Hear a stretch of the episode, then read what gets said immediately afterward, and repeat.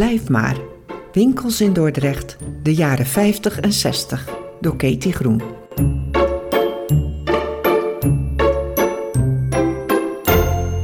De spoorlijn die meestal dicht was.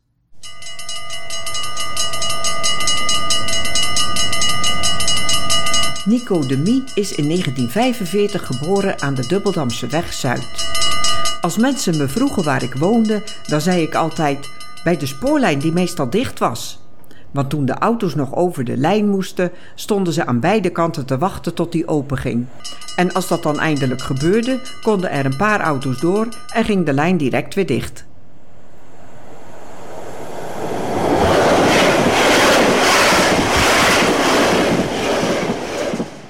Altijd rinkelden daar de spoorbellen.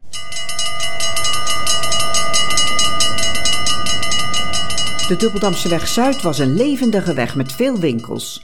Als kind besef je dat niet, maar achteraf is het een wonder dat er zoveel zaken bij elkaar zaten en ook nog vaak in dezelfde branche.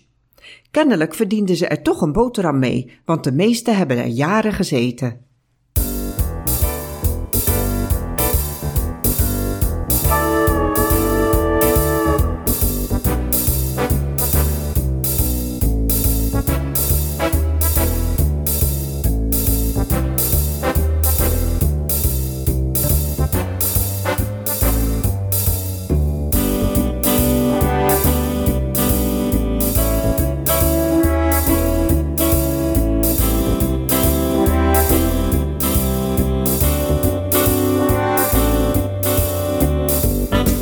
Op de hoek had je het café van Versteeg, dat vele Dortenaren zich herinneren als de plaats waar je rijexamen deed.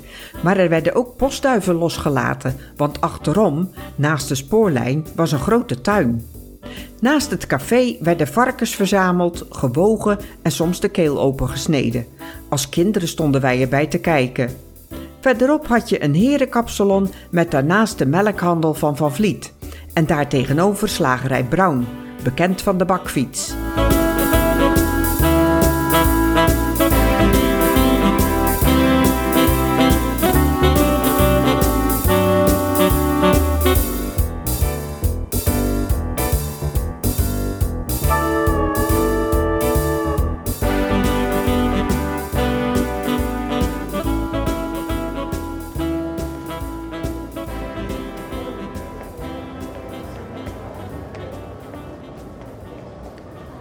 Op de ene hoek van de Bloemstraat was een sigarenwinkel en op de andere hoek de groentezaak van Versteeg.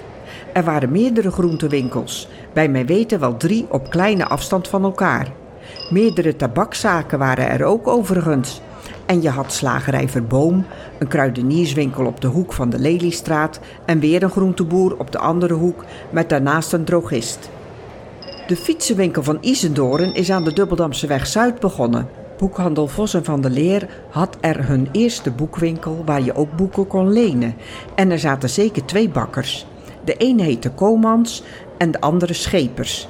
Er was de manufacturenwinkel van Van Wijk, een dameskapsalon en de bloemenwinkel van Schot. Vink was een winkel waar je onder andere serviesgoed kon kopen. En Sparkruidenier Sebus zat aan het einde van de straat.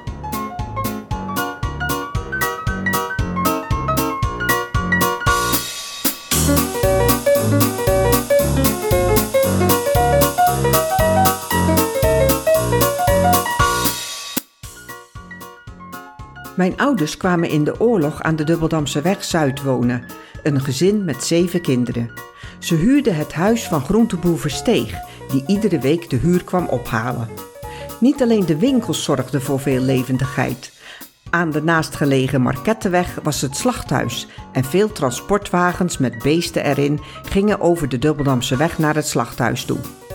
Soms brak er wel eens een koe los, wat voor veel commotie zorgde. Vanuit Dubbeldam ging de aanvoer van suikerbieten ook langs ons huis. Tussen de Dubbeldamse weg Zuid en Noord ligt de algemene begraafplaats. Er kwamen vroeger altijd veel begrafenisstoeten voorbij, veel nog met een koets en paarden. Maar voor ons jongens was het leukste nog altijd het spelen bij de spoorlijn die meestal dicht was.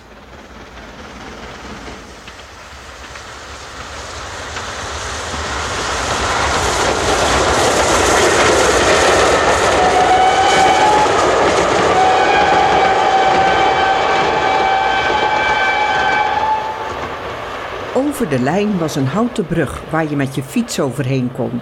Wij wachten altijd tot de stoomtrein langskwam en we vonden het prachtig om midden in de stoom te staan, zodat je even in een andere wereld was.